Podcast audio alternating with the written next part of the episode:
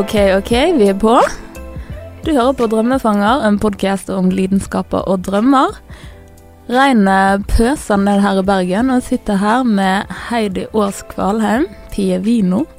Velkommen.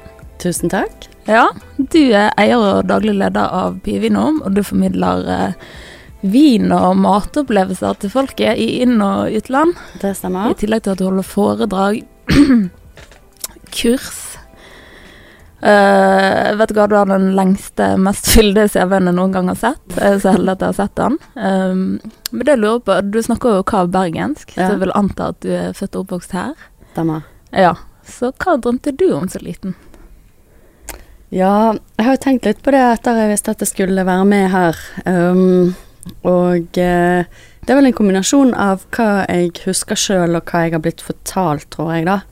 Eh, for det har eh, blitt trukket frem gjen- gjentatte ganger at jeg var opptatt av at jeg skulle jobbe på hotell.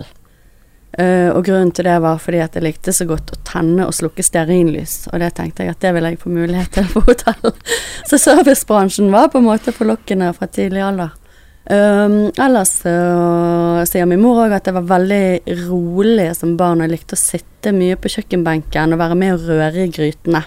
Ok, Uh, så det kan jo òg forklare noen ting, kanskje. Så du har liksom vært en dragning mot restaurant, eh, hotell Ja, Næringen, sant, så kanskje de der tingene der nå begynner å bli litt sånn fornuftig, men jeg har aldri tenkt på det før at jeg har vært med å påvirke det som jeg har gjort. Men det som jeg òg husker veldig godt sjøl, som jeg holdt på med mye på rommet, sant? jeg lekte litt sånn lenge for meg sjøl og, og liksom holdt på med ting litt sånn nitidig over tid. Og det var sånn barnas lille postkontor. Da var det med sånn her eh, inn og ut og bilag og skrive på og sånn bankbok og noen stempler og litt sånn leke butikk. Ja. Ja, og det med sånn kreditt og debit fra, fra tidlig alder, det var liksom noe som jeg syntes var gøy. Ja. Veldig spesielt, kanskje. Jeg ser et mønster her, da, i og med at jeg har sett eh, CV-en din. Så Ja. du har jo lang erfaring Ja, det er jo noe innenfor både servicebransjen og ja, Ja. du har jo vært med på ekstremt mye. Men den store drømmen nå må jo være Pie Vino, da, tenker jeg. Ja. Ja. Hvordan kom eh, den ideen til deg? Nei, altså spørsmålet er jo sant eh, Var det en drøm som jeg jobbet målrettet mot? Og der er vel svaret nei.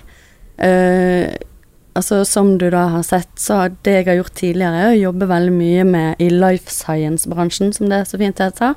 Vært legemiddelkonsulent i mange år, og har jobbet i eh, Bergen teknologioverføring, eh, det som nå heter Vis innovasjon, hvor de driver med kommersialisering av forskning.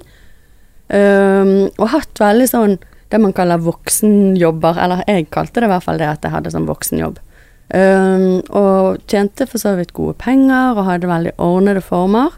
Uh, og så brukte jeg fritiden min da på helt andre typer jobber og frivillige verv. Så jeg har vært med på masse festivaler, uh, jobbet mye på konserter. Jeg var artistansvarlig for Amy Winehouse på HV-festivalen. Ja. Uh, Og Kvartsfestival har du vært på. ja, så Ja. liksom Ja, gjennom årene så har jeg gjort veldig mye sånn. Jeg har jobbet på Nationaltheatret som scenetekniker og på Scene Vest Victoria når eh, Latter Altså før Latter ble skapt og, og Standup Norge hadde masse show der og eh, Så jeg har likt veldig godt det der uh, kulturlivet, på en måte. Men jeg tenkte det at for meg som ikke er liksom Jeg hadde ikke en drøm om å bli sceneartist. Uh, og så så jeg aldri noen mulighet for å tjene penger på et vis nok til livets opphold med å jobbe i randsonen der. Um, men kanskje det som jeg på et vis har endt opp med å være nå, er jo produsent innenfor publikumsopplevelse. Men nå er ikke det scenekunst, men det er dette med, med en annen sanselig opplevelse. Det er dette med smak, med mat og med vin, da. Mm. Um, men i hele den der uh, voksenjobbperioden min, for å si det sånn, som har vært den lengste, så har jo jeg opparbeidet meg da mye kunnskap og forståelse av eh, bedrifter og med økonomi og lovgivning og Mm. moms og skatt og alt sånt som er litt kjedelig, men som er en stor fordel å vite noe om når man skal drive egen virksomhet. Mm. Og, og selvfølgelig det med markedsarbeid. Sant? Jeg har jobbet som selger og, og jobbet med å fokusere på hva er det kunden vil ha. Eh, I BTO hadde vi veldig mye sånn beretningsmodelleringsworkshops med ulike eh, oppstartsbedrifter fra, fra forskningsmiljøet her i Bergen. Og da var det jo alltid det at den ideen som man har som forsker eller som oppfinner, um, er det noe Løser vi et problem som kunden har bruk for? Mm. Og jeg trodde aldri at jeg hadde noe som jeg sjøl kunne lage en virksomhet fra, fordi at jeg hadde ikke en ny dings som kunne hjelpe å få mer olje opp fra Nordsjøen. Det var på en måte Ja, men det var jo liksom det teknologimiljøet jeg befant meg, og tenkte at å ja, men jeg kommer jo aldri til å kunne kommersialisere noe, for jeg har ikke noen gode ideer med ting. Med Mm. noe som Innovasjon Norge vil bruke penger på å lage til den nye norske oppfinnelsen som skal ta verden. Um, og så jobbet jeg som salgs- og markedssjef i et oppstartsselskap av Haukeland sykehus som kom ut fra dette B2-miljøet. Uh, og der gikk det litt sånn trått med teknologiutviklingen, og jeg begynte å kjede meg rett og slett litt på jobb. Så da gjorde jeg to ting. Det var å uh, organisere bryllupet til meg og mannen min i Piemonte i Italia. Mhm. Og gjorde all research og liksom all prosjektledelse på det sjøl. og så meldte jeg meg opp til sånn vinkelnereksamen og tok forelesninger på nett og reiste til, til Oslo da for å smake vin i ordnede former der borte. Mm. Men er dette en interesse du da hadde hatt en god stund, Ja. eller var det kommet nylig? Nei, det med mat og vin, det er noe som jeg kanskje setter noe dato og år på når det begynte, men eh, jeg husker jo fremdeles at mine venninner allerede fra ung alder sa ja, men Heidi, du som har så peiling på vin, hva er det vi skal drikke? At jeg kom på sånn forspill i ung alder med rødvin, mens de andre holdt på med veldig sånne søte Apollo, eller hva det het, sånne epleting og Mm. ja, så jeg var nok litt tidlig ute der, og har vært opptatt av smak og, og dette lenge. Mm. Um, og så husker jeg liksom den der første helt sinnssyke, sjelsettende opplevelsen av mat og vin sammen. Og det var på Boha ikke så lenge etter det åpnet. Og jeg fikk smake en dessert, sånn sjokoladefondant, for første gang. Mm. Det var på en måte liksom Norske kokker hadde funnet den oppskriften et sted. Ja. Det å lage sånn eh, sjokoladedessert med sånn smeltet Valrona-sjokolade som bare kommer ut når du tar i med Å, herregud. Og så var det da en sånn rød dessert, en sånn Ricciotto fra Italia, til den desserten. Og det da som skjedde på en måte i munnen og i kroppen og i lykken da, det var bare helt sånn sykt. Mm. Uh, så jeg har vel mange ganger sagt at det var nok litt sånne, sånne første skudd, på en måte. At det jeg holder på med nå, er å prøve å bare gjenskape den opplevelsen så ofte som mulig, da. Så sterk var den. Ja, det var helt vanvittig. Og jeg er egentlig ikke dessertperson. Jeg velger oftere to forretter og hopper over desserten. Men det var bare noe i den komboen som bare var helt sånn uh, Håret reiste seg på armene, liksom. Så det var egentlig et vendepunkt i Ja, jeg, jeg tror det, med, med det der å forstå mat og vin i kombinasjon. Men jeg hadde jo drukket sykt mye vin før det. Og jeg var jo også veldig heldig i den der perioden jeg jobbet i legemiddelindustrien, at jeg fikk eh, gå ut på firma sin regning og hadde sånne kveldsmøter med leger, som er jo sikkert fortsatt vanlig i den bransjen, da. Uh, hvor vi var ute og hadde faglige møter, og så gikk vi alltid og spiste etterpå. Og det var jo en periode hvor det der med vinpakke kom veldig sterkt, at du kunne kjøpe sånn treretter med satt vinpakke til.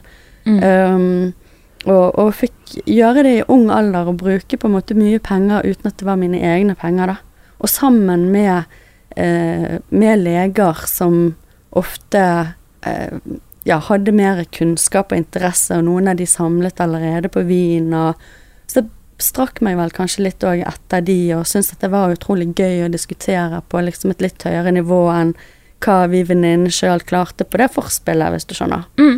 Um, og så etter hvert så ble det òg sånn at når jeg har reist på ferie, eh, og det gjør jeg fortsatt uansett hvor jeg reiser, hvis det er en vinprodusent i nærheten, så prøver jeg å booke et besøk. For det å møte disse vinprodusentene og forstå hvordan de lager vinen eh, Nå har jeg jo forstått på en måte produksjonen fra eh, A til Å, da, men alle de tingene som er med å påvirke de valgene de gjør. Eh, hvorfor de gjør det sånn, og hvorfor to naboer kan eh, gjøre helt motsatte eh, ting, og, og si at det, ja, det er helt selvsagt at jeg eh, plukker alle druene av stilken, mens naboen sier nei, men det er jo helt selvsagt at jeg beholder stilken på druene i 50 eh, av, eh, av druene jeg skal lage vin av. Uh, og så er det sånn, ja, men hvorfor kommer de til disse konklusjonene? Og da uh, er det veldig gøy å høre om sånn Jo, dette fordi my grandfather told me et eller annet sånn. Mm. Eller fordi at det står i reglene til dette geografiske området her vi lager vin. Eller fordi at jeg har jobbet i et annet vindistrikt i et annet land. Jeg har fått uh, påvirkning fra en annen vinprodusent som jeg ser opp til. eller at det er egen empiri. At jeg har prøvd. Jeg har forsket. Mm. Jeg har laget vin eh, på den måten oppi den bøtten, og på den måten oppi den bøtten, og så har jeg smakt, og så var det dette som jeg syntes var best. Mm. Um, og det er liksom Ja, å snakke med folk og forstå hvorfor de gjør de valgene de gjør, det er kanskje litt sånn som du gjør. Sant? Mm. Du liksom skraper litt på dem og spør sånn Ja, men fortell meg, hva er det som driver ja. dette her? Um, det har vært veldig gøy. Så da hadde jeg et behov for å skjønne mer av vin sjøl, da. Uh, og så Min bror er òg utdannet vinkelner, og han jobber nå i et sånt uh, firma som importerer vin i Oslo. Mm. Og så kjenner jeg veldig mange folk i restaurant her i Bergen og andre steder. Uh, så ble jeg litt sånn der uh, Hva kan jeg si Sjalu og misunnelig, fordi de hadde et helt annet begrepsapparat enn meg når de snakket om vin. Og jeg fikk ofte være med og smake på vinene og liksom Ja, her er den og den. Og så sa de så mye som jeg ikke helt klarte å forstå. Så tenkte jeg neimen søren, jeg òg vil skjønne det. Jeg vil komme inn i det der stammespråket. Og det var derfor jeg meldte meg opp på den eh, vinkelnerutdanningen. Det var egentlig kun for egen del, fordi at jeg ville forstå dette på lik linje med de. Ja, for du slår meg litt som en type at hvis du har lyst til å finne noe ut, så går du på en måte en lang vei for å gjøre det? Ja, det ja. tror jeg. At du gir det liksom ikke før du jeg tror ikke alle som har en vininteresse, faktisk ville tatt det steget at de meldte seg opp på en uh, utdanning, da. Nei, og kanskje noen egentlig bare ville lest en bok. Men, ja, og det skal jeg innrømme at det prøvde jeg vel litt. ja, eller ti. Og det prøvde jo jeg, og jeg lærte jo noe med å google og lese litt og sånn, men jeg har jo ikke en sånn høyere formell utdannelse, så at jeg er så øvet i å lese utrolig mye og dra ut essensen av det. Så det òg det er litt sånn for kjedelig å sette seg ned og lese om vin helt sånn på egen hånd. Så det var litt det å få noen um, Jeg være med på noen sånne foredrag og, og, få undervisning, og det å møte andre og smake vin sammen og diskutere. Altså sånn learning by doing, det passer mm. meg veldig godt, da. Det er litt det du prøver å um, legge til rette for med Pievino, at du kan uh, lage den ordnede formen på en måte for andre. Absolutt. At de kan møtes og at man kan dele den lidenskapen sammen, da. Ja, det er akkurat det. Og det er sånn det har blitt til. For det som skjedde, var jo ikke det at jeg plutselig da våknet opp en dag og sa oi, pling, liksom, nå har jeg en idé. Fordi at jeg holder på med vinkelner, nå skal jeg lage big business liksom ut av det. Mm. Uh, det var overhodet ikke sånn, for det begynte egentlig med at jeg hadde et behov for å smake vin sammen med andre her i Bergen mens jeg gikk på den der uh, utdannelsen som var jo da i Oslo. Og det var ingen andre fra Bergen som tok det samme akkurat da. Eh, så da gikk jeg på Facebook i noe sånn vinforum og hørte om det var noen andre som bodde i Bergen som hadde lyst til å smake vin relativt hyppig sammen med meg. sånn at jeg kunne spleise på flaskene, og jeg kunne ha da en sånn gruppe som jeg kunne diskutere med. sant? Mm. Eh, og da var det ganske mange som, eh, som meldte seg til det. Så jeg laget en gruppe på Facebook som het uh, Vinsmaking i Bergen. Og så skrev jeg sånn for oss som uh, tar eh, glasset i egen hånd og har lyst til at det skal bli litt eh, liv i vinmiljøet i Bergen, på en måte. Nå skal vi smake vin sammen. Et eller annet sånt. Mm. Og den teksten står der ennå. Den gruppen fins ennå, men nå er det flere tusen medlemmer i den. Mm. Så det som skjedde, var at folk kom hjem til meg på kveldene etter ungene var lagt, og så smakte vi da sånn østside, vestside Bordeaux mot hverandre, eller pinot fra ulike land, eller museene fra England og Frankrike, blindsmaking. Og det var jo kjempegøy, og jeg tror det var mange som syntes at det var ekstra gøy å på en måte henge seg på meg som gikk på dette studiet, sant? for de tenkte at oi, kanskje det kan liksom dryppe litt på klokkeren. Mm. Um, men for hver gang så var det alltid noen som sa du, jeg har en venn eller en partner eller en kollega som har lyst til å være med neste gang. Og etter hvert så hadde du ikke plass hjemme. Det var akkurat det jeg skulle spørre om. Om det var plass i stuen din. Nei, sant, så du vet når du kommer opp i 1500-2000 personer, så er det litt vrient. Det er en stor fest. Ja. Selv på Kronstad. Nei, så, så det som da skjedde, var jo at jeg måtte gå ut og prøve å leie lokaler og låne og sånn. Og så er det ikke så lett da å gå på restauranter, for restaurantene skal jo ha eh, betalt liksom det vinen koster på polet, pluss et eller annet en gangetabell på tre eller fire, eller hvor mye de tar i påslag. Og da blir jo det utrolig dyrt. Og det å ta med seg viner som vi har kjøpt på polet sjøl, og gå på, på en bar eller restaurant for å sitte der, det er jo òg vanskelig, for det har ikke de lov til. De må jo kjøpe inn sjøl, de har en skjenkebevilgning. Mm. Så da ble det til at uh, vi måtte prøve å booke andre lokaler, og så måtte jeg søke om enkeltbevilgninger for hver gang, da.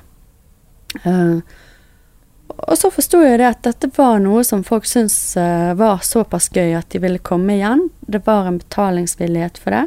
Jeg fikk tilbakemeldinger om at de syntes at det var gøy at jeg ledet an, og at jeg hadde lært meg på en måte noe. Mm. Um, og jeg tok eksamen som vinkelner da i 2016, og nå skriver vi jo 2020. Uh, men fremdeles så er det det gøyeste, tror jeg, for meg og for gjestene mine, er jo litt det at det er ikke så lenge siden kuen var kalv. At jeg fortsatt husker veldig godt på eh, hvordan det var da å stå utenfor det stammespråket, og prøver å gjøre det tilgjengelig, da, og formidle på en måte som at folk Du ser noen ganger liksom pengene faller ned, liksom. Mm. Ja. Men det ser Og- jo på tilbakemeldingene du har fått, at det er noe de trekker frem. da, At du har gjort det veldig tilgjengelig, lett. Eh, altså språket ditt og formidlingen, at det, det ble veldig mm, Hva skal jeg si Um, Ja, tilgjengelig er kanskje ordet. Ja, andre ville kanskje kalle det på en måte folkelig, eller Og vi har jo en annen bergensdame som har gjort det på nasjonalt plan. Det er jo Ingvild Tenfjord. Mm. Um, uten at Altså, jeg, jeg kjenner Ingvild etter hvert, men ikke Hun har en fin podkast, da. Den eh, Ja. har jeg nesten ja, trukket frem nå. Absolutt, og der kan man òg lære mye om vin. Og hun har jo gjort det til sitt virke, og på en måte lære eh, hva kan jeg si, mannen i gaten om vin eh, gjennom aviser og kurs og alt sånn.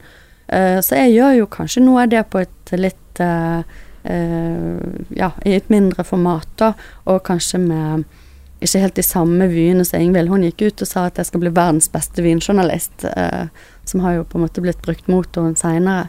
Eh, men jeg har ikke satt meg et sånt mål at jeg skal bli sånn eh, utrolig god på vin, eller jeg skal ikke ta noe sånn diploma eller master, eller Det er ikke så viktig for meg. Men hvis jeg kan være med og, og bidra til at folk ikke føler seg dum når de går ut på restaurant når de skal bestille, eller at de, de klarer sjøl å, å beskrive når de kommer på polet hvilke type viner de liker, eller de noen ganger kan forstå sjøl hvilke vin de burde bruke til hvilken mat. Mm. Så er det egentlig der jeg vil være. Jeg eh, har ikke noe sånn eh, vyer om å skulle bli eh, liksom professor i vin. Eh, jeg liker å bare kose meg med det, og syns at det, det er et luksusprodukt, og det er noe som som er en slags overskuddsgreie, og da vil jeg ikke at det skal bli sånn veldig alvorlig for min egen del, da. Mm. Du slår meg veldig som en initiativtaker, og du sier jo dette med å samle folket, og at de responderer bra. Og så tenker jeg da er man jo avhengig av at noen tar den rollen, sant. Og mm. på en måte Ja, så du sa at du måtte skaffe skjenkebevilgning for hver gang. Altså det er jo arbeid som legges ned. Og da tenker jeg dette er en rolle du alltid har hatt gjennom livet. Ja, jeg kan jo tenke meg at hvis det er noen gamle venner som hører på dette, så vil de nok liksom allerede humre i i skjegg over det, fordi jeg har eh, ja, fra tidlig av tatt mye initiativ. Altså, jeg har alltid vært den derre eh, elevrådsrepresentanten i klassen. Ja, tenkte meg nesten det. ja. FAU i barnehagen til sønnen min, sant? der måtte jeg være med. Og det er kanskje òg en sånn slags um, eh, Ja, et behov for å ha kontroll, da. Um, at Ja, og liksom dette med forventninger, at hvis det er noen andre som planlegger, så er jo ikke jeg helt sikker på hvordan det skal foregå, og da kan jeg bli usikker. Så det er egentlig mye bedre at jeg planlegger det sjøl. Mm. Det er litt sånn min take på det, da. Ja. Eh, så derfor eh, er jeg jo veldig heldig med han mannen som jeg har møtt. Når vi skal reise på ferie og sånn, så har han for lengst bare forstått at jeg på en måte må få planlegge det, og han kommer jo selvfølgelig gjerne med noen innspill, men han er ikke så opptatt av detaljene. Så han bare sier sånn Å ja, Japan, ja, fett, jeg er med. Og så kan jeg legge på en måte planene. Og Ja. så, så vet jo han at han blir fornøyd, fordi at jeg har bevist at det pleier å bli bra. Ja. Um, så hvis jeg skulle hatt eh, liksom en partner eller en nære venner som ville opponere mot mine planer, da kunne det fort blitt litt vanskelig. Så du er egentlig avhengig av å være med folk som eh, er mer eh, Hva skal jeg si Ikke passiv, men at de er villige til å gi fra seg litt kontroll, da. Kanskje. Kanskje. Det gir mening. Uh, ja. Ja. Og så, så er jo altså i sånn relasjon med andre, og det er jo gjerne både privat og eh, i jobb, så så gir nok jeg mange ganger litt mer motstand enn hva mange forventer, og hva mange er vant med, og kanskje særlig fra en kvinne, for å være helt ærlig. At jeg gjerne spør en del spørsmål. Ofte er jo det bare fordi at jeg er nysgjerrig, fordi at det skjer så mye oppi hodet mitt på en måte når jeg får presentert noe. Noen som har en idé eller en problemstilling og sånn. Og det hender nok at liksom munnen renner over med det hodet fylt med, og at kanskje jeg ikke har tenkt på hvordan det vil høres ut, sant. Mm. Og at det blir oppfattet som kritikk eller sånn. Men det blir bare sånn Å ja, men hvordan? Har du tenkt på det, eller Å ja, hvorfor gjør du det sånn? Mm. Um, og at noen kan synes at det er litt belastende, og at jeg er litt sånn kritisk og negativ, mens andre ser det som en styrke fordi at de faktisk kan få diskutere ting og få tilbakemeldinger som kanskje er litt uten filter, da.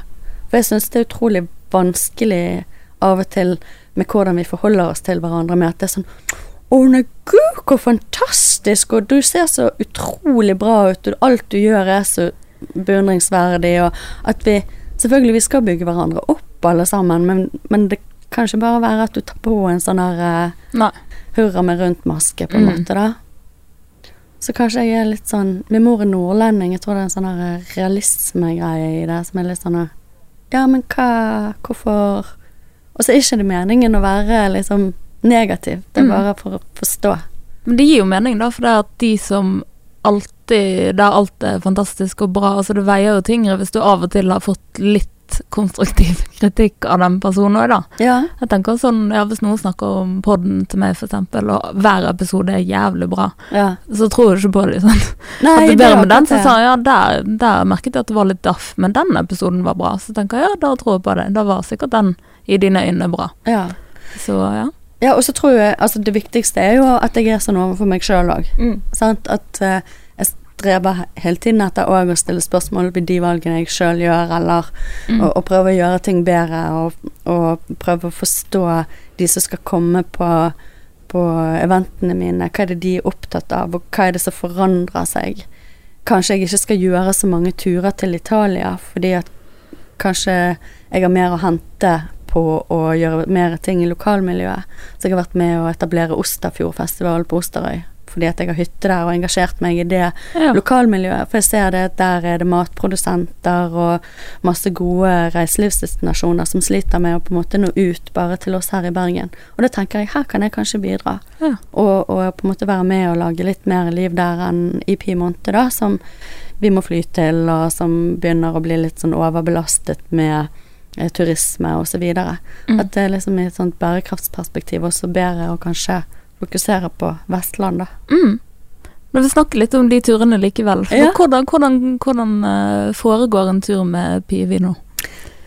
Ja, det spørs jo litt eh, rammen, fordi noen ganger har jeg påmeldingsturer. Mm. eh, og de er helt sykt bra, for da er jeg med sjøl, og da eh, betaler man på en måte bare i spleiselaget for at jeg skal få lov å reise dit. Mhm. Sånn at jeg er ikke opptatt av å tjene penger på det i det hele tatt, men jeg må liksom komme meg dit, og så er vi gjerne tolv stykker, sånn at det passer veldig godt at vi spleiser på én flaske vin. Eh, at tolv personer på én flaske er veldig sånn fint eh, antall hvis du skal smake bare litt, da. Mm. Uh, så da går vi på de beste restaurantene og til kjempebra vinprodusenter og Mm. smaker og Hvor drar dere hen? Er det Piemonte? Ja, Ja. det er der som jeg har spesialisert meg, og, og som jeg elsker, og hvor vi giftet oss. Og jeg har tatt tatovering av et sånn eh, libanesisk eh, sedertre som står der, Ja. som på en måte vi tok bryllupsbildene, og det var liksom der det startet. Og det er jo derfor også det heter Pivino. Mm. Det er sånn Piemonte og vin i kombinasjon, da. Ja, så du har egentlig ganske nært og kjærlig forhold til den, eh, ja. Ja, veldig. Så når man har valgt- å inngå ekteskap der, så er det jo liksom vanskelig å si ja, nå er vi ferdig med det stedet, vi skal ikke reise dit igjen, liksom. Nei, drar drar dere to dit mye? Eller? Vi har jo gjort det nå i mange år, men eh, sånn som i 2019 var vel ikke Eivind der, han som jeg er gift med, mens jeg var der sammen med en bedrift, da. Mm. Um, og, og det er jo det som er den andre kategorien. Det er jo de turene som jeg gjør på bestilling for grupper. Mm. Um, og da bør det helst være større grupper, mer enn 10-12 personer, for at jeg nå kan ha anledning til å gjøre det, da.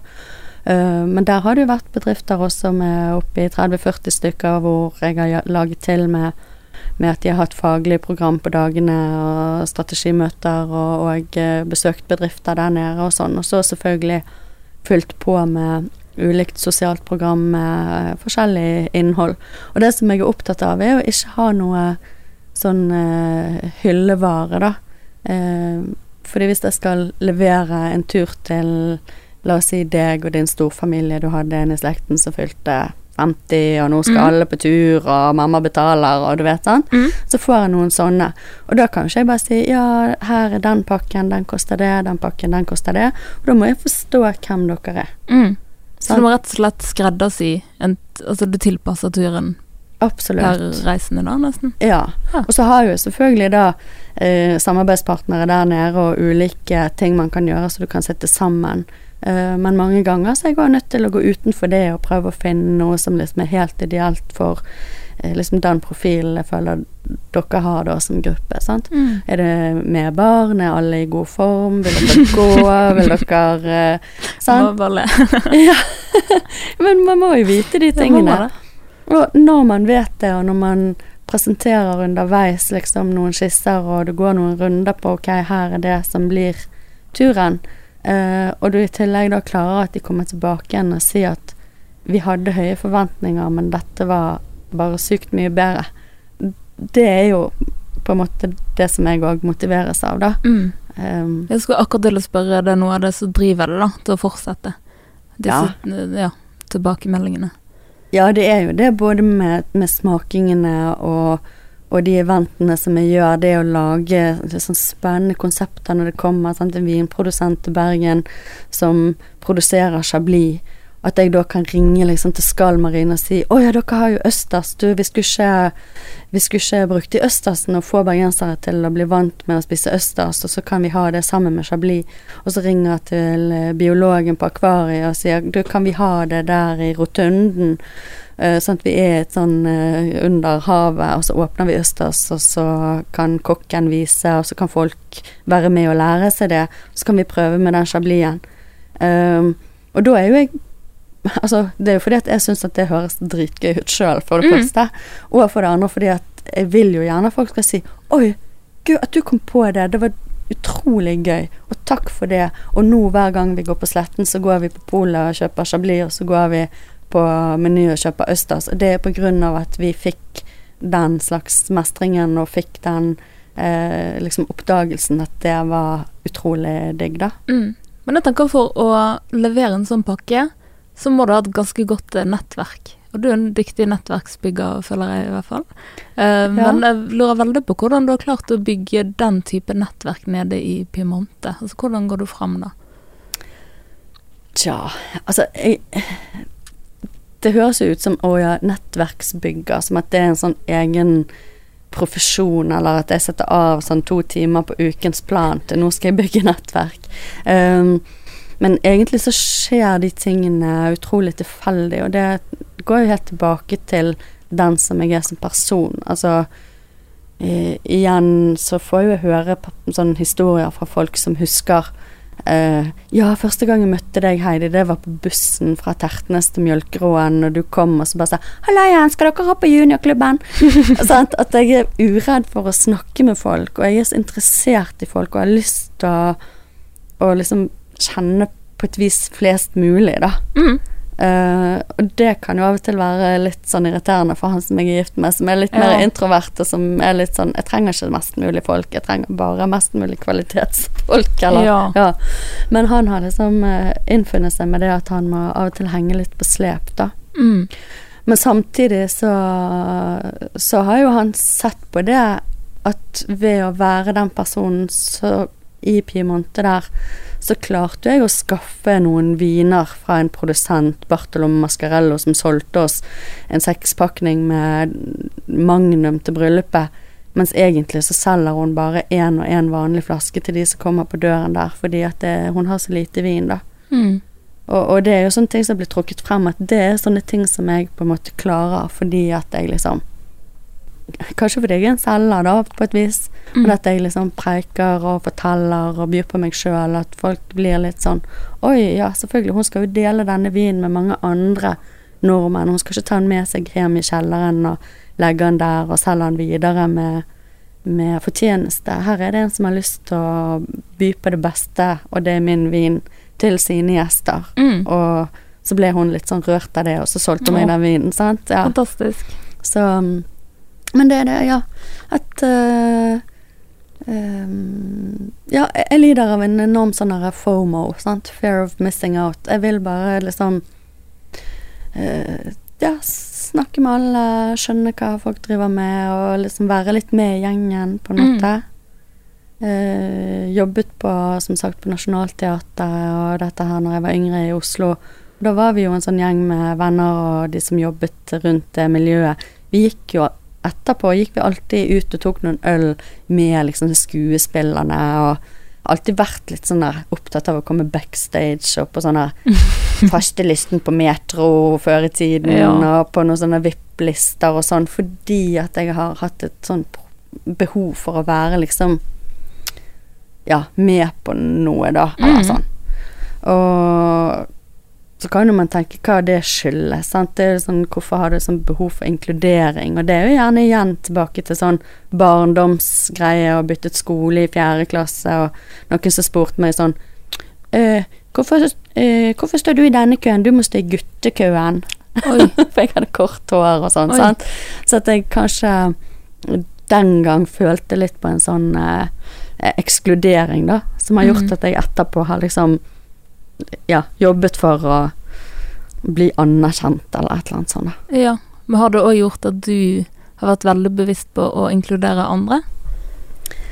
Ja, jeg håper jo det. Um, men det som jeg sier, sånn at Ja, litt sånn derre Sterk personlighet, litt sånn svakt filter noen ganger på hva jeg sier og spør om og sånn, så er det jo Hva kan jeg si, litt sånn eh, ømfintlige personer, eller jeg vet ikke hvordan jeg skal kategorisere det, men at det er kanskje ikke alle som trives i min sfære, da. Mm. Um, på grunn av uh, um, Ja, kanskje noen syns at liksom jeg blir litt mye på et vis, hvis det er et begrep. Men kan det skyldes usikkerheter i de, kanskje? Ja, selvfølgelig, vi plasserer alltid skyld på andre. Mm. Nei da, jeg tuller. Ja. Ja, eh, kanskje, men, men så er det jo òg Er livet en sånn konkurranse om å ha på en måte flest mulig venner, bekjente eller mest mulig anerkjennelse? Det er jo ikke det. Og i løpet av årene nå så har jeg landet veldig godt i det å eh, ja, drive for meg sjøl og ha noen eh, nære venner og min lille familie, skulle jeg si, og, og trives jo i den settingen, da. Mm. Og, og ja, men allikevel at jeg har et stort nettverk og er uredd sant, for å ringe til folk og presentere meg og si at du, jeg tror kanskje at jeg kan bidra her hos dere. Og sånn har jo jeg fått uh, en del prosjekter, og, og senest i går ble jeg spurt om å være mentor for uh, um, et sånt nytt uh, food startup-program som de har nede på huben, da. Eh, Kult. hvor det er kvinner med minoritetsbakgrunn som eh, skal få være gjennom et sånt eh, testbarprogram, hvor de kan lære mer om eh, å gründe sin egen matvirksomhet. Hvor jeg skal da følge en av de i løpet av et halvt år og hjelpe til med det, da. Um, og det er jo kanskje fordi at Jeg har vist at jeg deler med andre, og at jeg spør, og at jeg er da bitte litt kritisk til det de gjør, og liksom mm, kan være med å påvirke og hjelpe de til å, å komme der de trenger, på et vis, da. Mm. Nå har jeg fått tilgang til å se litt av det du har gjort eh, den siste tiden. Mhm. Eh, og det første jeg tenkte da, var jo på en måte hvordan i, i all verden har du ressurser til alt dette? Og da tenker jeg både tid, energi eh, sant? Du snakker om den indre flammen som ikke dør ut, men jeg tenker på Mm. et eller annet punkt så begynner han jo å demre litt, da, for mange. Ja. Så jeg lurer på hvordan klarer du å holde det oppe?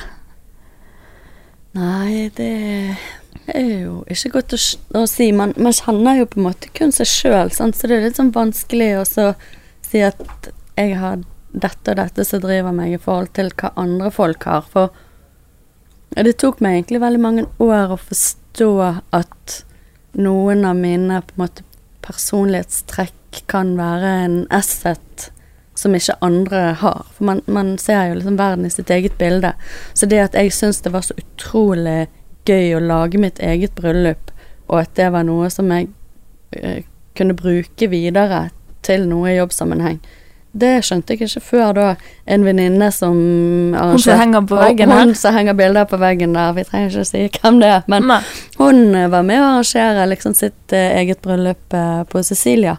Og, og sa sånn Å, hvordan orker du ta alle de avgjørelsene? Jeg er født i tvillingen, jeg klarer ikke å ta noen avgjørelser, og jeg har betalt en sånn wedding planner. Hvor jeg skjønte sånn Å ja, hæ? Det er jo dødsgøy. Hvordan kan du la noen andre eh, hjelpe deg med dette? Du må jo ha kontroll over det sjøl. Hvor jeg liksom skjønte Å ja, men vi er jo så forskjellige. Mm. Og hvordan kan jeg bruke liksom den egenskapen i mitt eget virke, da? Mm. Hvordan kan jeg være bevisst på det? Og det er jo kanskje det som har skjedd de siste Jeg vet ikke om det er etter jeg fylte 40, nå er jeg 43, eller om det er de siste liksom 10-20 årene, men at man lander litt i seg sjøl og skjønner litt sånn mer av eh, seg sjøl i forhold til verden utenfor, da. Og, Mm. og kanskje ser bedre sin rolle. Men at det der med igjen, hva som da motiverer meg til å drive videre, det, det er bare sånn jeg er. Altså, man har kanskje et uh, satt sett av bekymringer. Noen er på en måte mer bekymret enn andre når du bytter ut eh, Du hadde lite penger, men så fikk du penger, men da begynte du å bekymre deg over noe annet, liksom. Sant? At, Mm. Og, og noen har bare mer sånn slags eh, drive eller pågangsmot, eller Mm. og jeg tror jo selvfølgelig at man kan eh, endre seg, og man kan trene seg opp til forskjellige ting, men mange ting er nok litt sånn gitt eh, fra litt sånn ung alder, kanskje. Mm. Jeg vet ikke om det var et godt svar, men Jo, det var det. det var Jeg tenker jeg akkurat i den problemstillingen nå, jeg tror jo dette er- For de fleste eh, liker jo egentlig å delegere fra seg ansvar akkurat når det kommer til disse store begivenhetene, føler jeg da. Mm. Um, men jeg tror ikke det går på at man ikke har lyst, for jeg føler veldig mange, eh, i hvert fall mange damer, har jo interesse for altså arrangere selskap og sånne ting. Mm. Men det er vel det at man har en frykt for at det ikke blir bra nok. Yeah. Så jeg tenker at det ligger en del selvtillit i det å vite at du kan arrangere det sjøl, og det blir bra nok. ja. Tror, tror ikke du det? Jo, sikkert, og, og det er vel kanskje Altså, nå- vi snakker jo om drømmer, og, og jeg er litt sånn redd for at vi skulle snakke så utrolig mye inn i de drømmene, for det blir så abstrakt for meg. For jeg er Mhm. veldig sånn konkret, da. Men samtidig så syns jeg det at drømmer og på en måte fantasi For meg er jo det litt i en sånn slags samme verden. For det bruker jeg utrolig mye tid på. Det er jo også å se for meg scenario. Jeg har jo sett for meg hvordan denne innspillingen av denne podkasten skulle være nå utrolig mange ganger. Ja.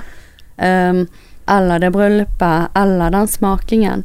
Og det kan jo hende også det er der det ligger litt at jeg eh, i Når jeg spiller den der filmen inni hodet mitt på forhånd mange ganger, så klarer jeg å forestille meg ja, men hvordan lukter det når de kommer inn der, eller eh, hvordan må de tingene stå, hvor den aperitiffen, eh, hvordan er det den skal serveres, og hva er det de skal se på mens de gjør det. Altså liksom denne kundereisen, det å klare å mane det frem på forhånd, da, og så systematisere det og sette det ned i mitt yndlingsverktøy som heter Excel. oi, oi, oi. Og så sette noen tall på det for å se om det går opp i budsjettet, da, og så må du regne ut hvor mye du da må inn for i det hele tatt få det til. Men altså, at du begynner med den der litt det abstrakte, den følelsen, eller liksom det du vil folk skal sitte igjen med, og så hvordan klare å ta det ut til å faktisk bli noe, da. Mm. Um, så det er jo en sånn slags produsentstilling i dette her, at man Ja, man må ta høyde for òg utrolig mange ting som kan skje, og Ja, det, det er litt komplekst, da, men uh, det er veldig gøy. Det er givende. Jeg tenkte på en annen drøm du har. Uh, nå må jeg bare finne navnet som sier det riktig. Skal vi se. Det er da, da, da, da, da, Bergen Food House. House. Ja. ja.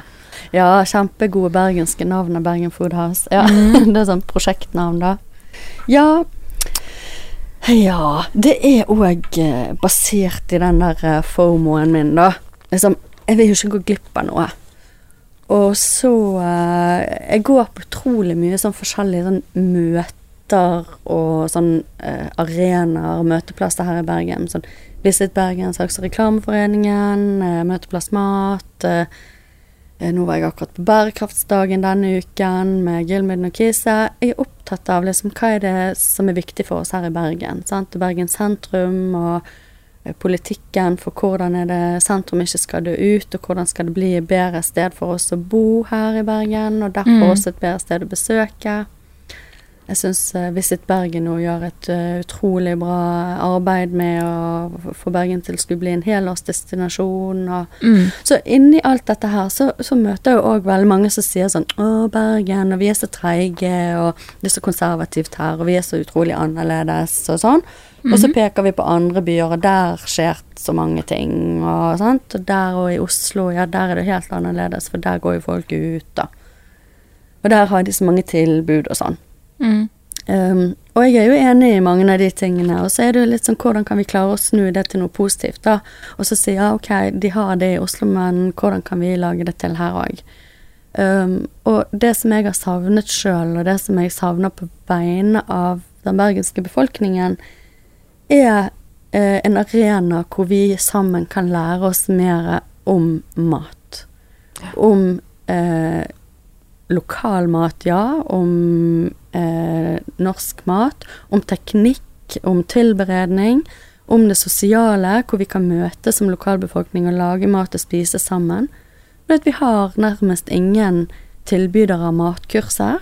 Og vi har ingen bokbare kjøkken i Bergen sentrum. Det vil si at hvis jeg skulle gå sammen med en av disse eh, geiteoppdretterne på Osterøy, da, Mm. eh, for å prøve å være med å utvikle geitekjøtt som liksom et produkt som vi kunne spise her i Bergen, så har vi veldig få steder hvor vi kunne da ta inn den produsenten, koble på en kokk og invitere befolkningen til å komme og lære seg å partere en geit og lære seg om hvordan man lager det. Jeg har lyst til å kjøpe et slakt, men jeg aner ikke hvordan jeg skal skjære det opp, hvor, hvor lenge kan det ligge i frysen, hvordan skal jeg tilberede de ulike styrkningsdelene sånn at det liksom er godt, hva passer det til å servere eh, av grønnsaker og av vin eller øl eller sider, sant. Så det stedet der, det har jeg så lyst at det skal dukke opp i Bergen. Mm. For restaurantene, de har jo eh, sin kjernevirksomhet, sant. Ehm, og så er det noe som heter Matarena. De har sin kjernevirksomhet. Det er å være med og hjelpe lokal eh, matprodusenter og kokker og, og på en måte bli bedre og koble de. Men vi som konsumenter, som lokalbefolkning, som må forholde oss til hva de har i disken på Kiwi og Rema, og Reko-ringen etter hvert, heldigvis, vi har så få arenaer hvor vi kan gå og så få en økt kunnskap. Så jeg, jeg er 43 år. Jeg kan per dags dato ikke filetere en fisk. Ikke heller. Nei. Og hvis du hadde lyst Ingen har tilbudt å lære meg heller. Nei. Og så bor vi her eh, langs denne kysten. Hvor ofte Ja. har du fisket utenfor Bergen? Eh, jo, det har han gjort litt når jeg var yngre. Eh, har ikke så stor interesse for fisk og fisking eh, egentlig, da. Nei. Men han har nå gjort det med med faren da jeg var yngre, ja. Men hvis du da hadde fått Ferskvannfisking. ja, Ja. ferskvann, ja. Mm. ja. Og det òg, sant. Det har vi jo mye rundt Ørret og her. sånn. Ja. Ja. Du er jo veldig få som holder på med det på en måte nå. Ja. Og hvis du da hadde fått den fisken, sant? hva skal du gjøre med den? Jeg solgte den, jeg. Ja. Det var, det, solgte det til og med far da for få penger. Nemlig. Veldig lurt. Mm. Du Tok godt pants. betalt per fisk, så det dro med noen venninner òg, så vi solgte. Ja. Men sant. Og det er jo kanskje, som du sier, du er ikke så interessert i fisk. Ligger det da implisitt i det at du ikke spiser så mye fisk, egentlig? Du er ikke så glad Ja, jeg spiser ikke så mye fisk, og hvis jeg gjør det, så er det ofte rå fisk. Sushi? Ja. Ja. Og ja. Alle slags former av ja, rått. Ja. ja. Og så er det jo da om Altså hva grunnen til det kan jo være mange, og det, det er jo helt eh, Nei, det er jo det at jeg ikke kan tilberede det godt nok sjøl, da. Ja, og det er jo helt ok å si at ja, men man syns ikke det er så godt, men da er jo òg spørsmålet men hva er det du har smakt, sant. Så det er jo igjen, eh, vi, vi bor her med kysten, og vi kunne jo kanskje få noe mer opp av det havet enn denne laksen vi finner, da.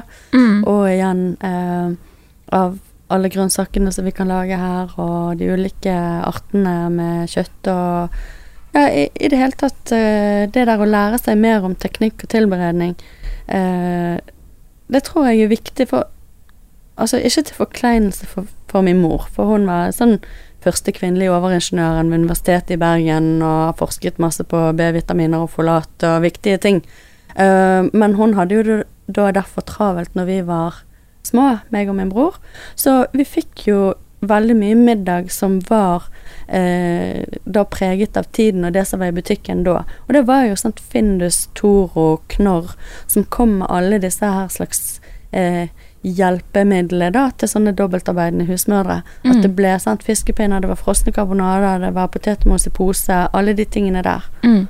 Men så bakte hun brød hver lørdag som skulle vare hele uken, og så var det alltid søndagen, da var det søndagsmiddag med steik og sånn. Men kanskje sausen òg ble laget fra pose, sant. Mm. Og, og igjen, ikke forkleinelse til henne og, og hennes generasjon, men det som har skjedd der, da, det er jo det at det er et gap. Fordi at vi, og jeg som vokste opp sånn, har ikke lært så mye matteknikk. Og når vi gikk på skolen på det der skolekjøkkenet, så lærte vi å koke bestikk og lage Ja, råkostsalat, sant. Ja. Så hvor er det jeg nå lagde vi. Akkurat, sant? Så hvor er det nå jeg kan få den kunnskapen fra? Mm. Og jeg var på et møte senest i går om bærekraftig mat, og da var det jo sånn En av de siste slidesene som forskeren viste, var litt sånn Så det vi må gjøre nå, er å påvirke de yngre til å velge annerledes når det kommer til mat.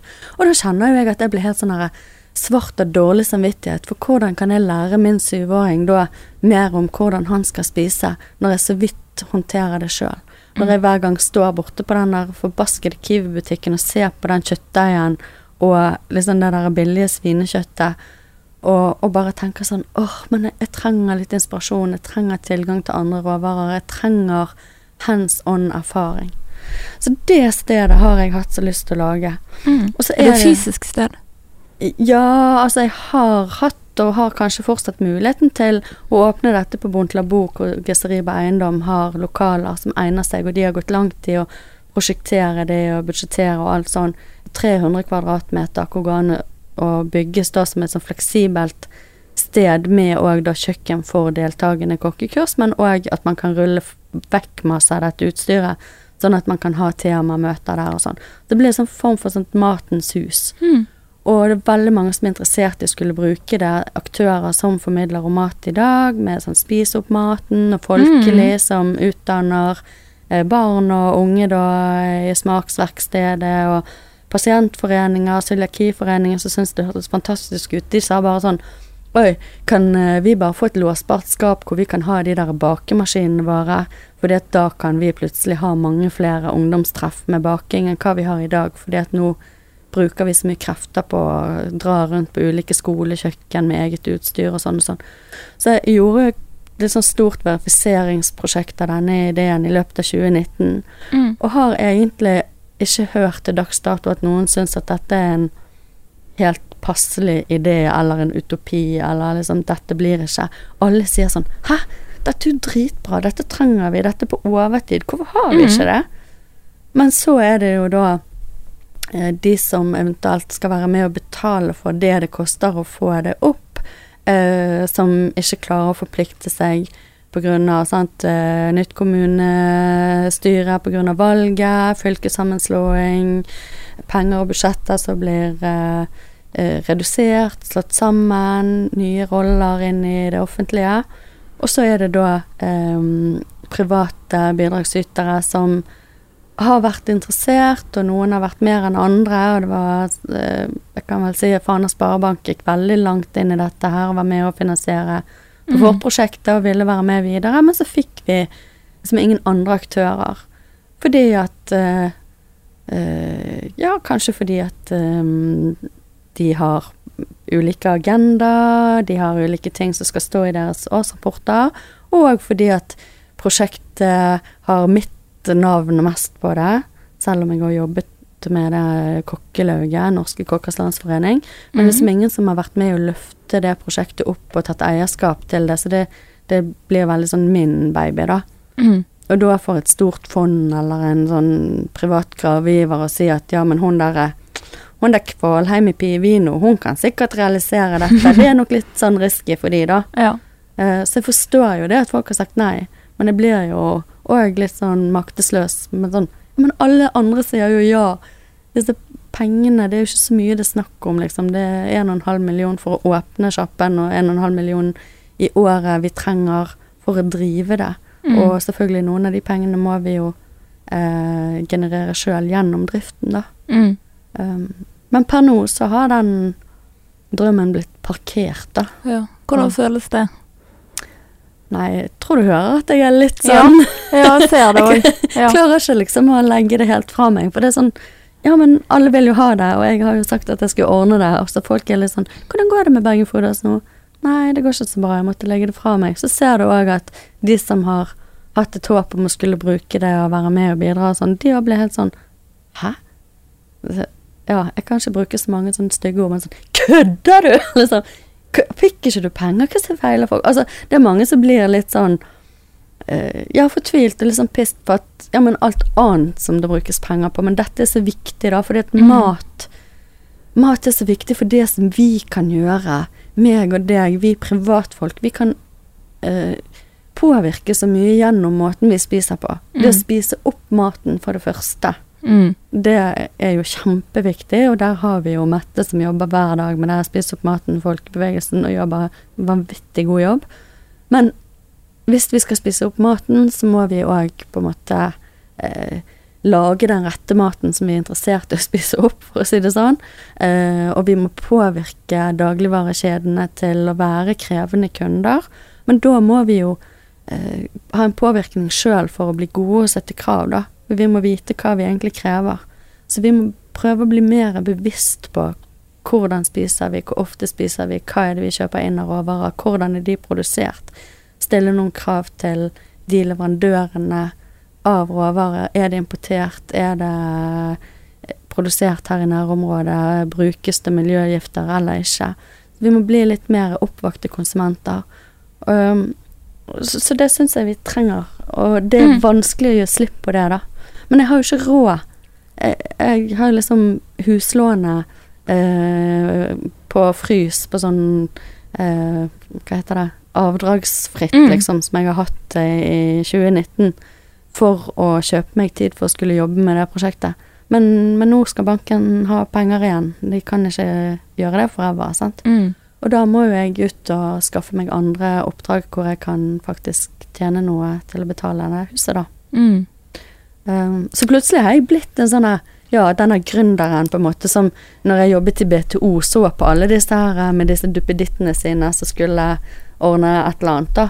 Som på en måte solgte huset hjem og, og ja, eh, tok avdragsfrihet og alt det der og spiste nudler fordi at de trodde sånn på en sånn kommersialisering. Så jeg var sånn mm. Folk er helt gale, liksom. Her går jo jeg og får pensjonspoeng og fast lønn og liksom syns at det var måten å leve på. Og så har jeg endt inn i det der sjøl, da. Mm. Så jeg er litt sånn Oi, det var jo ikke meningen. Men har du føltes verdt det, det du har måttet ofre for disse drømmene dine? Ja. Og selv om ikke Bergen Foodhouse i den formen som jeg på en måte jobbet med i fjor, at det ikke har blitt realisert, så har jeg gått gjennom en prosess som sikkert er like mye verdt som en bachelor på BI, for å si det sånn. Sant? Og, og faktisk en prosess som er liksom i real life, og ikke skrivebordsarbeid. Um, og jeg har fått snakket med utrolig mange aktører, og jeg tror jeg har òg vært med på en måte å posisjonere meg sjøl inn i enda mer med dette med mat og sustainability-tankegang og alt sånt. Og ikke minst for meg sjøl at jeg eh, har landet enda mer i hva det er som motiverer meg. Kanskje hva som kan være med å påvirke og prege mine drømmer videre om hva jeg har lyst til å holde på med, da. Eh, for at det handler liksom noe om å være med i den sfæren der. Være med og gjøre Bergen til en bedre by å bo i. Det syns jeg hadde Mm. vært helt utrolig gøy. Og det å kunne si til eh, ungene at uh, ja, mamma var med og sette sitt preg på byen, heller enn at uh, her er en bankbok som jeg har stemplet på Barnas postkontor med noen Mm. millioner, liksom. Det er ikke så viktig. Det er liksom Legacy er nesten viktigere enn Mm. penger, da. Ja, Mm. helt enig. Du, vi skal eh, gjennom en spalte. Vi skal finne ut hva Heidi gjør til dagen. Ja. ja, så da um, lurer jeg først på når du står opp om morgenen. Du, det varierer veldig. Jeg har en eh, da syvåring som går til skolen uh, sjøl, og han eh, går kvart på åtte, og stort sett så eh, ligger jeg i sengen da, men jeg får en klem og, og sånne ting. Men da begynner ofte dagen eh, med at jeg har en sånn gjennomgang av sosiale medier og mailer og alt eh, i telefonen, da. Eller på telefonen.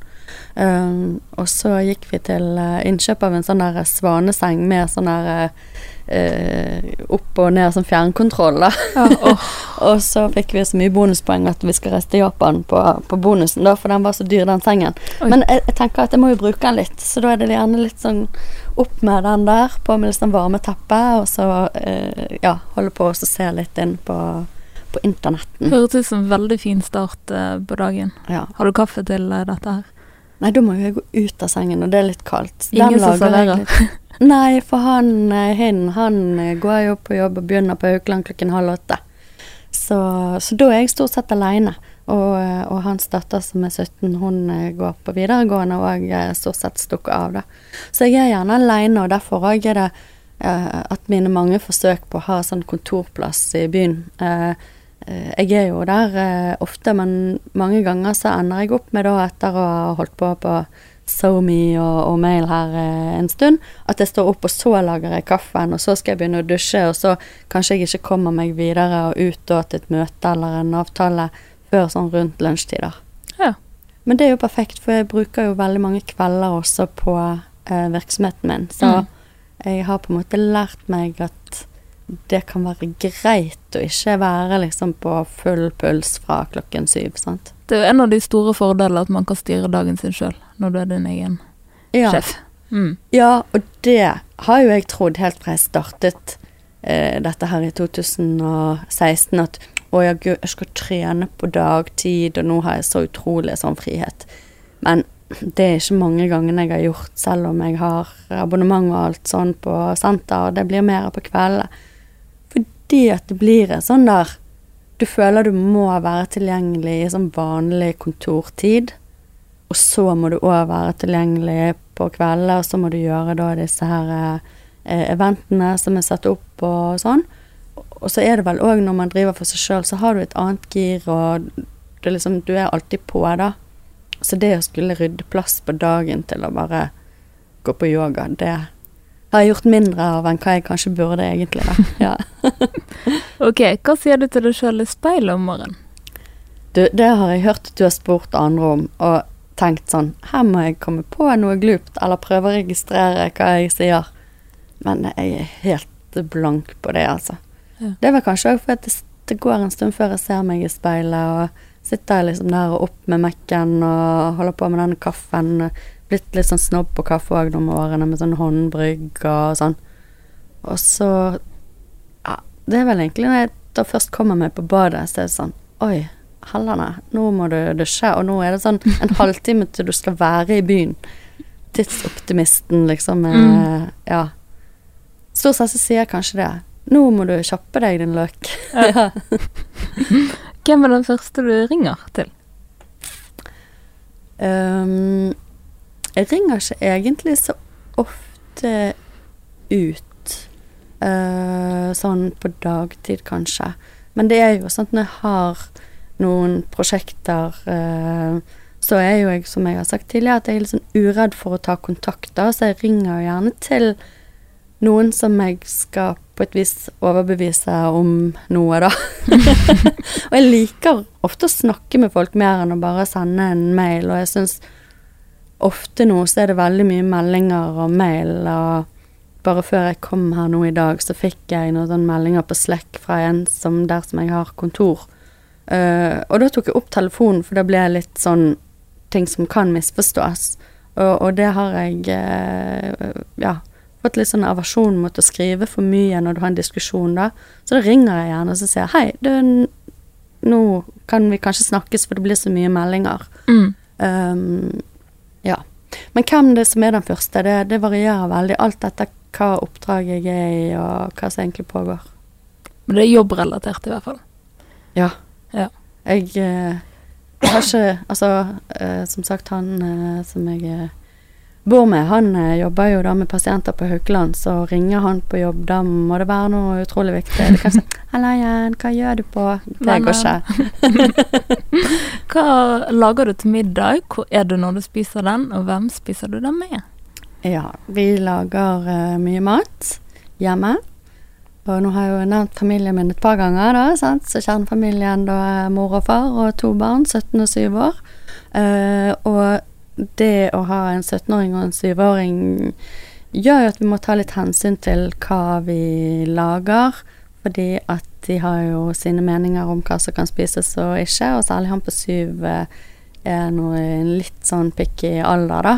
Uh, men vi lager aldri noe sånn eget til barna. De må på en måte uh, dekomponere rettene sjøl, eller at vi ikke tar alt oppi av chili og sånn, men tilsetter det sjøl. Men vi prøver å gjøre litt nye twister på oppskrifter eh, hver gang. Vi har selvfølgelig noen sånne eh, standardgreier, og særlig mannen min har sånn Når han lager middagen, så har han noen ting som han er veldig god på, som har blitt hans ekspertise. Da lager han gjerne det, og det blir bra hver gang.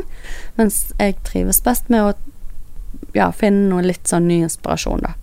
Og nå for tiden er det veldig mye sånn Asian-style, mye grønnsaker. Det er fortsatt januar. Vi prøver mm. oss på sånn halve tallerken med grønt. Og Ikke dumt. ja, for lite fisk fortsatt, fordi at jeg syns det er så dårlig tilgang på det. Eller du må, du må gjøre så utrolig stor egeninnsats for å få fatt i bra fisk, da. At eh, tiden og, og liksom tiltaket strekker seg til ofte.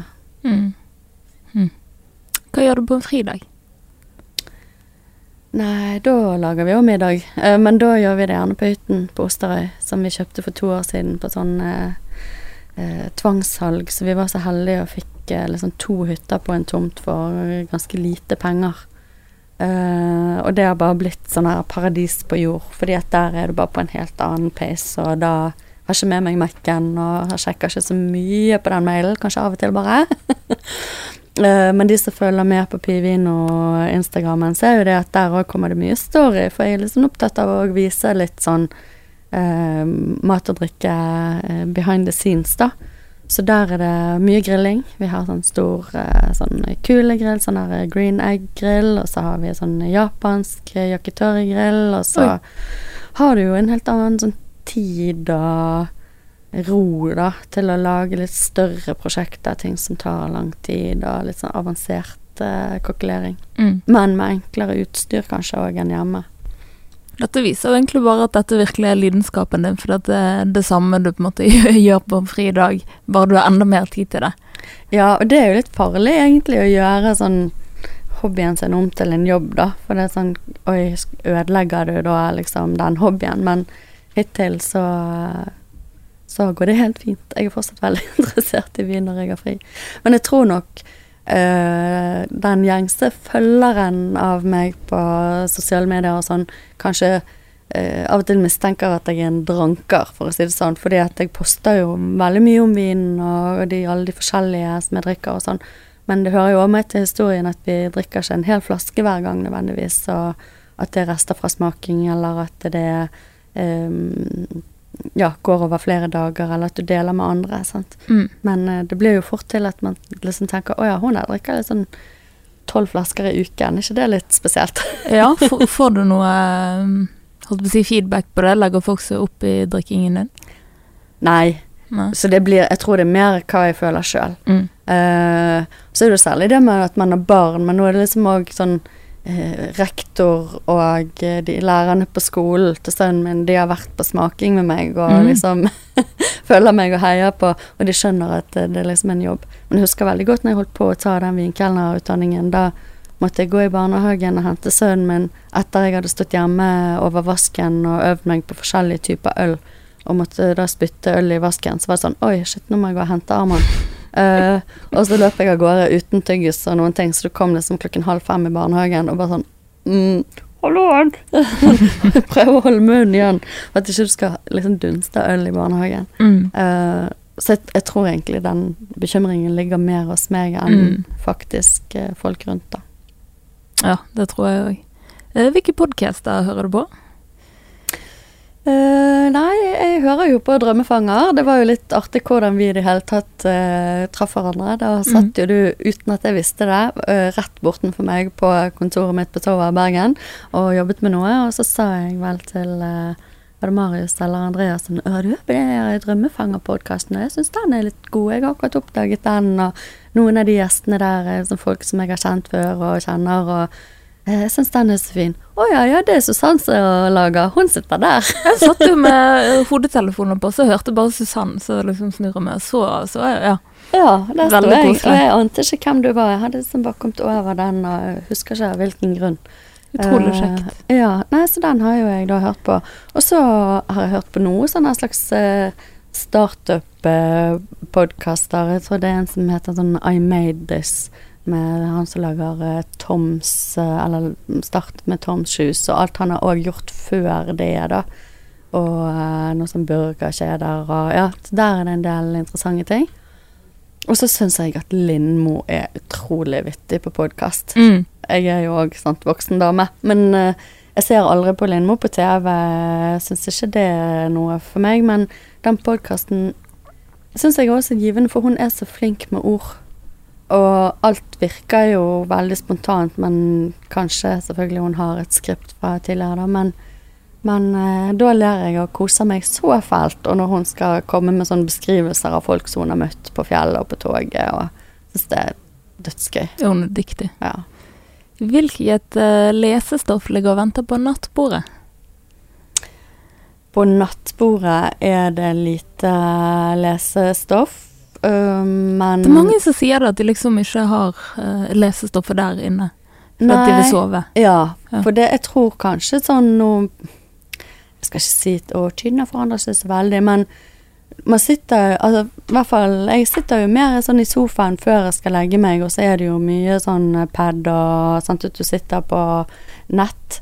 Og hvis jeg leser noen magasiner eller noen bøker, så skjer det gjerne sånn på kvelden. Og det har vi også gjort sånn med sønnen vår. Så det er sånn ja, men vi skal ikke lese på sengen. Hvis du vil lese, så gjør vi det i på en måte i våken tilstand. Og når du kommer på rommet, da er det denne ene sangen, og så er det sove. Mm. Så kanskje vanene forandrer seg for mange av oss, da. Men når jeg leser noe, så Altså, jeg holder jo masse sånne vinblader, Noble Rot og Vinforum og sånn, og ja, det er litt sånn opp og ned om jeg får tid til å lese det, om jeg syns egentlig det er så utrolig gøy å lese om alle disse tingene. Uh, så ja, det er blitt mer og mer om mat og oppskrifter. Oppskriftsbøker og Mat fra Norge-bladet, som tok over etter at det bladet Nord uh, la ned. Ren mat er et blad som jeg nylig eh, kjøpte, som jeg syns var bra, eller et magasin. Mm. Um, og så har jeg lest utrolig mye litteratur tidligere, men som veldig mange i min krets sier, så har de blitt veldig dårlige på å lese bøker.